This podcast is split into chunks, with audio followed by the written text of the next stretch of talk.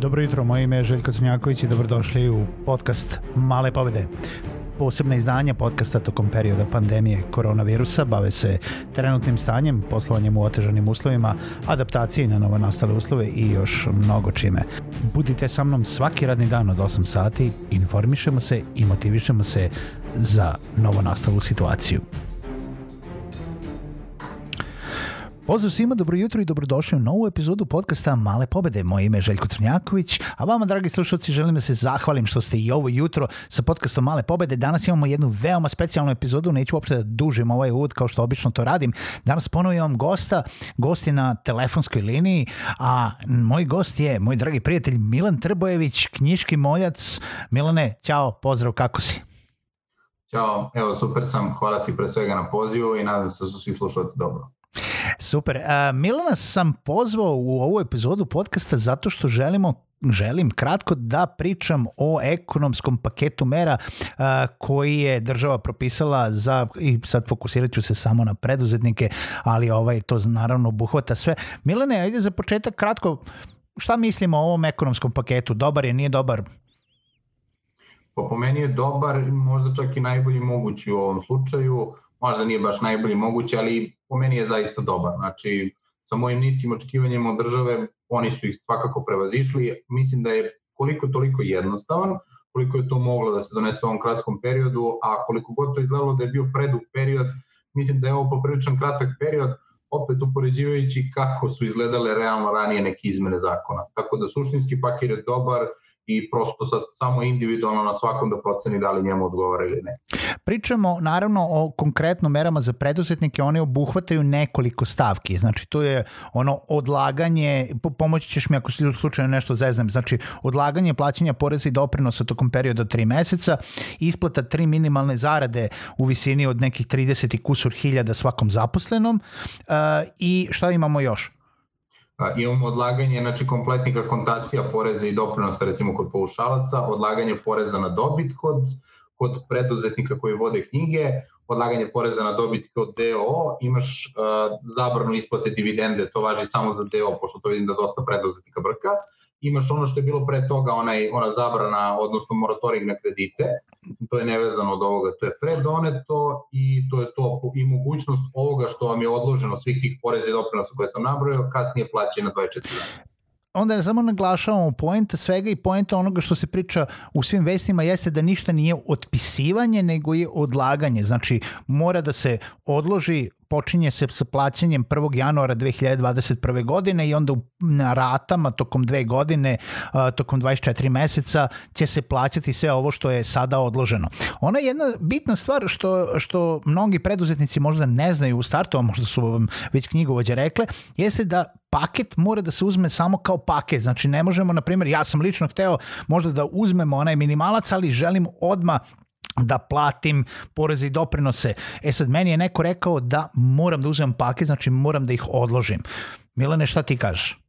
Pa moraš svakako, znači mora da ide i odlaganje i kako se zove ova naknada od 30.000, međutim nigde nije zabranjeno da ti uplatiš te poreze i doprinose, pa faktički da ti stoji pretplata koja će se četvrtog januara kada, kada dolazi na naplatu praktično anulirati i ti, nema, ti nećeš imati nikakav dug.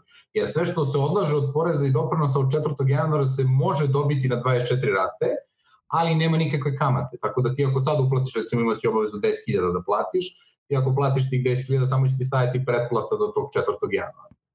E, dobro, znači super, znači može da se uplati nešto kao pretplata, ali ovaj, ukoliko ne, onda će ići na 24 rate tamo. Ti ja smo pričali pre ovog ovaj, podcasta da postoji neka varijanta, u stvari moramo da obratimo svima pažnju da prate e, sve moguće uredbe koje, koje će biti do tog 4. januara u stvari, jer postoji šansa da će se morati aplicirati da to bude stvarno na rate. Šta da, je tvoj komentar tu? To ne znamo jer uredbi ovo je doneto da će ministar urediti a, postupak kako će ići, kako će ići u stvari taj, to plaćanje 24 rate. Moje mišljenje je da će morati posebno da se aplicira kao kod sadašnjeg redovnog koji postoji u zakonu, vi aplicirate za to, oni vam odobre ili ne odobre, sad imate neke uslove, sad vidjet ćemo da će ovde biti neki uslovi još dodatni, u smislu iznosa koji, koji, koji se tu odlaže, mada mislim da će biti bez tih uslova, potpisujete ugovor praktično kao s Poreskom upravom i onda plaćate na rate. Tako da mislim da će isto biti i za ovo, ali prosto to tek treba da se donese i to je jako bitno da pratite relevantne izvore. Sad najrelevantniji izvor za ovo je sajt vlade Srbije, srbija.gov.rs, imate u, ja mislim idete na deo vlada, pa imate dokumenti, pa imate bukvalno dokumenti sa sednica vlade. I tu imate datumski kad je bila koja sednica i imate tačno uredbe koje su donete. I to vam je najrelevantnije. Ok, kad to nađete, ako ne možete da protumačite sami sebi to, prosto od toga krenite tumačenje. Jer čitanje različitih informacija na društvenim mrežama, medijima i slično može poprilično da vas dovede u zabludu i, i pogotovo što je inače tumačenje svega onako vrlo upitno. Ja, već, ja od stručnih komentara ja dobijam već pet različitih mišljenja na jednu temu, pa onda ja zauzimam svoje, pa tako prosto postupam sa svojim klijentima, ali kako se zove naročito da, da čitate svuda različite informacije, to će vas dovesti do, do apsolutnog neinformisanja. A kada smo već kod zabluda, ajde da pričamo malo i znači, o samom paketu. Mnogi se pitaju da li da uzmu, pa onda nekim, e, nekima ove, ova tri minimalca zvuče jako dobro. Ono što ljudi možda ne znaju, možda sad već znaju, jeste da su tri minimalca vezana sa time da su oporezivi iznos. Znači one, one, onu platu koju dobijate od 30 i kusur hiljada jesu oporezivi iznos, što znači da ćete na to morati računati uh, porez uh, od uh, pa sad na tih 30 i nešto hiljada, šta si mi rekao, oko 20 i kusur hiljada je... A to je, to je za ličnu zaradu. Ličnu zaradu. Ili bilo koju isplatu zaposlenima, kao mm -hmm. tako. E sad, ako pričamo o solo preduzetnicima, imamo dva pitanja, imamo dve grupe, imamo paušalce, imamo one sa ličnom zaradom. Oni sa ličnom zaradom su često bili u situaciji da su isplaćivali čak i manje nego taj minimalac, jer je preduzetnik sa ličnom zaradom može da isplaćuje, na primjer, 10 ili 15 hiljada e, dinara sebi platu i da plaća one minimalne porezi doprinose od 10-11 hiljada poreza, e, to jest iznosa, da li se njemu isplati uzeti ovaj paket, uh, jel da, gde će tri, dobiti tri plate od 30 kusur hiljada, ali će mu porez na to biti 20 kusur hiljada koji će plaćati ili odmah u pretplatu ili sledeće godine. Da, definitivno se isplati u meni. Imate treću grupu, onaj isto knjigaši, ali ono samo porezivanje kod preduzetnika.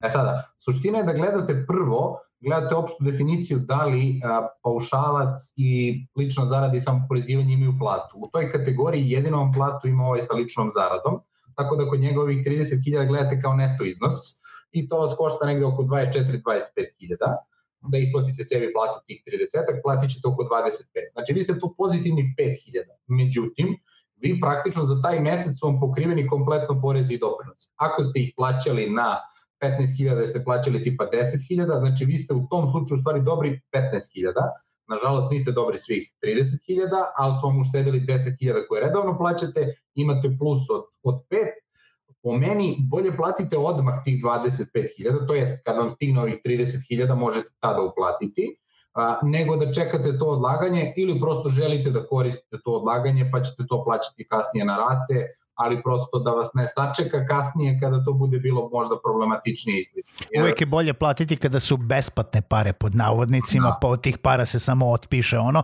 i na kraju zapravo nemaš 90, nego imaš tu nekih možda onda šta nekih 30, 45, 45 jel tako? A, Milane, šta je sa paušalcima u istom pitanju?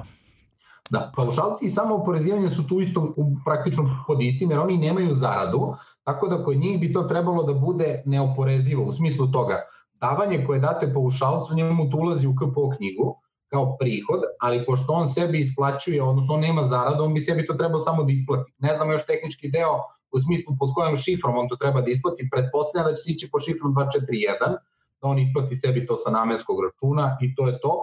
Od samoporezivanja isti princip, jer samoporezivanje takođe nema zaradu, nego praktično se gleda samo dobit. Ovo ulazi u dobit, oporezuje se kroz dobit, isplaćujete samo sa namenskog računa, pretpostavljam pod istom šifrom 241. Tako da s te strane oni nemaju, do, odnosno paušalac nema nikakav dodatni porez, on će dobiti svih 30.000, samo uporezivanje će imati, jer praktično novih 30.000 će nekih 50% morati da obračuna poreze, doprinose i sve, tako da, da prosto košta će ga dodati. Što znači da su u ovoj situaciji paušalci najbolje prošli?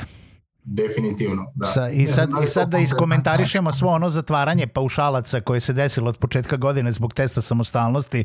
I da... da, da, niko, da ni, niko realno nije znao da će do ovoga doći. E sad je tu suština da svako ko se zamrzao pre 15. marta, a takih je većina, pošto je test samostalnosti krenuo od 1. januara, nema pravo na ovo. Tako da, eto, možda žale zbog nečega, a možda i ne iskreno, jer možda je, mislim, ova mi je kratkoročna mera, te samostalnosti je nešto što će i kad se ovo sve završi sledeće godine i one tamo verovatno važi. Tako da prosto, Sve, možda nisu imali sreće za 15 dana. Sve u svemu, ovaj, uvek e, je nešto, ovaj, nešto pozitivno, nešto negativno. Ajde za kraj, samo još da iskomentarišemo, pošto sam imao neke razgovore sa, sa par ljudi a, i o, ovo epizodu ćemo toliko produžiti samo za ovo pitanje, a, jeste da neki u razgovorima s kojima sam vodio su shvatili tih 30.000 dinara uh, minimalca, to, a, nisu preduzetnici nego su zaposleni u firmama, kao, e, super, kao država će nam dati dodatno 30.000 dinara i onda ćemo na platu koju dobijamo o, o, biti još 30k dinara.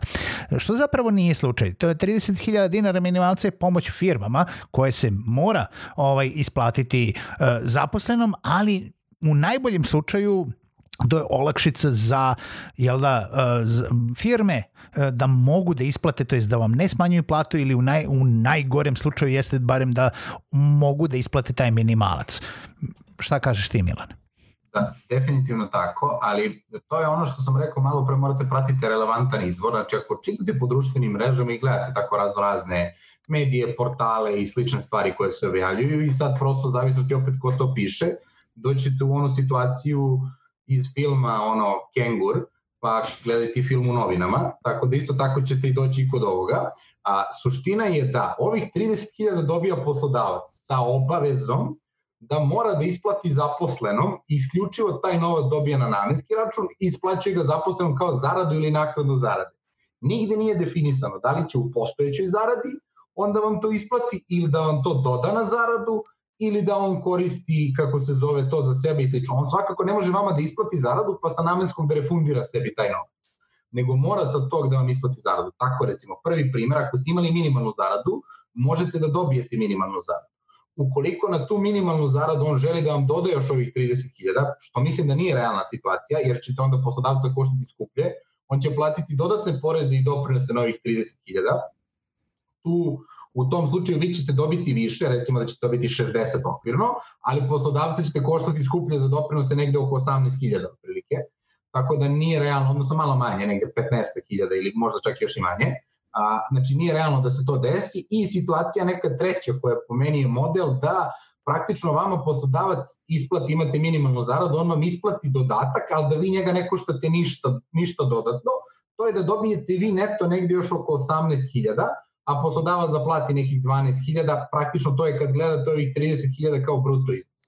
S tim što će on vama sa namenskog da isplati 30, a razliku do tog punog vašeg neta sa tim, sa tim bonusom, praktično nazovimo u ovom mesecu, će isplatiti sa svog tekućeg računa. Ali suštinski ovo je odluka na poslodavcu, možda pojavuje, volim da kažem, dogovor između poslodavca i radnika, mada suštinski sve na poslodavcu, celokupan zakon je na, na njegovoj strani u ovom slučaju, ali ovo nije sigurno vaš dodatak. Znači, to ne mora biti vaš dodatak na platu, niti a, je, kako se zove to, da on mora ovo da vam doda na platu. Sad opet imate različitih slučajeva gde neko na prinudnom odmoru, pa dobija samo 60% od zarade, pa pitanje sad kako će tu poslodavci reagovati, ali nije poslodavac obavezan da vam pored vaše redovne plate ovo isplati još kod dodatne. Ali nije ni tako zamišljeno. Mislim, zamišljeno je kao pomoć poslodavcima mislim, a, a i firmama da mogu da ne otpuštaju radnike, nego da ih zadrže, jel da, barem na nekoj minimalnoj plati, a, a, a da, da bi mogli da prođemo u vanrednu situaciju.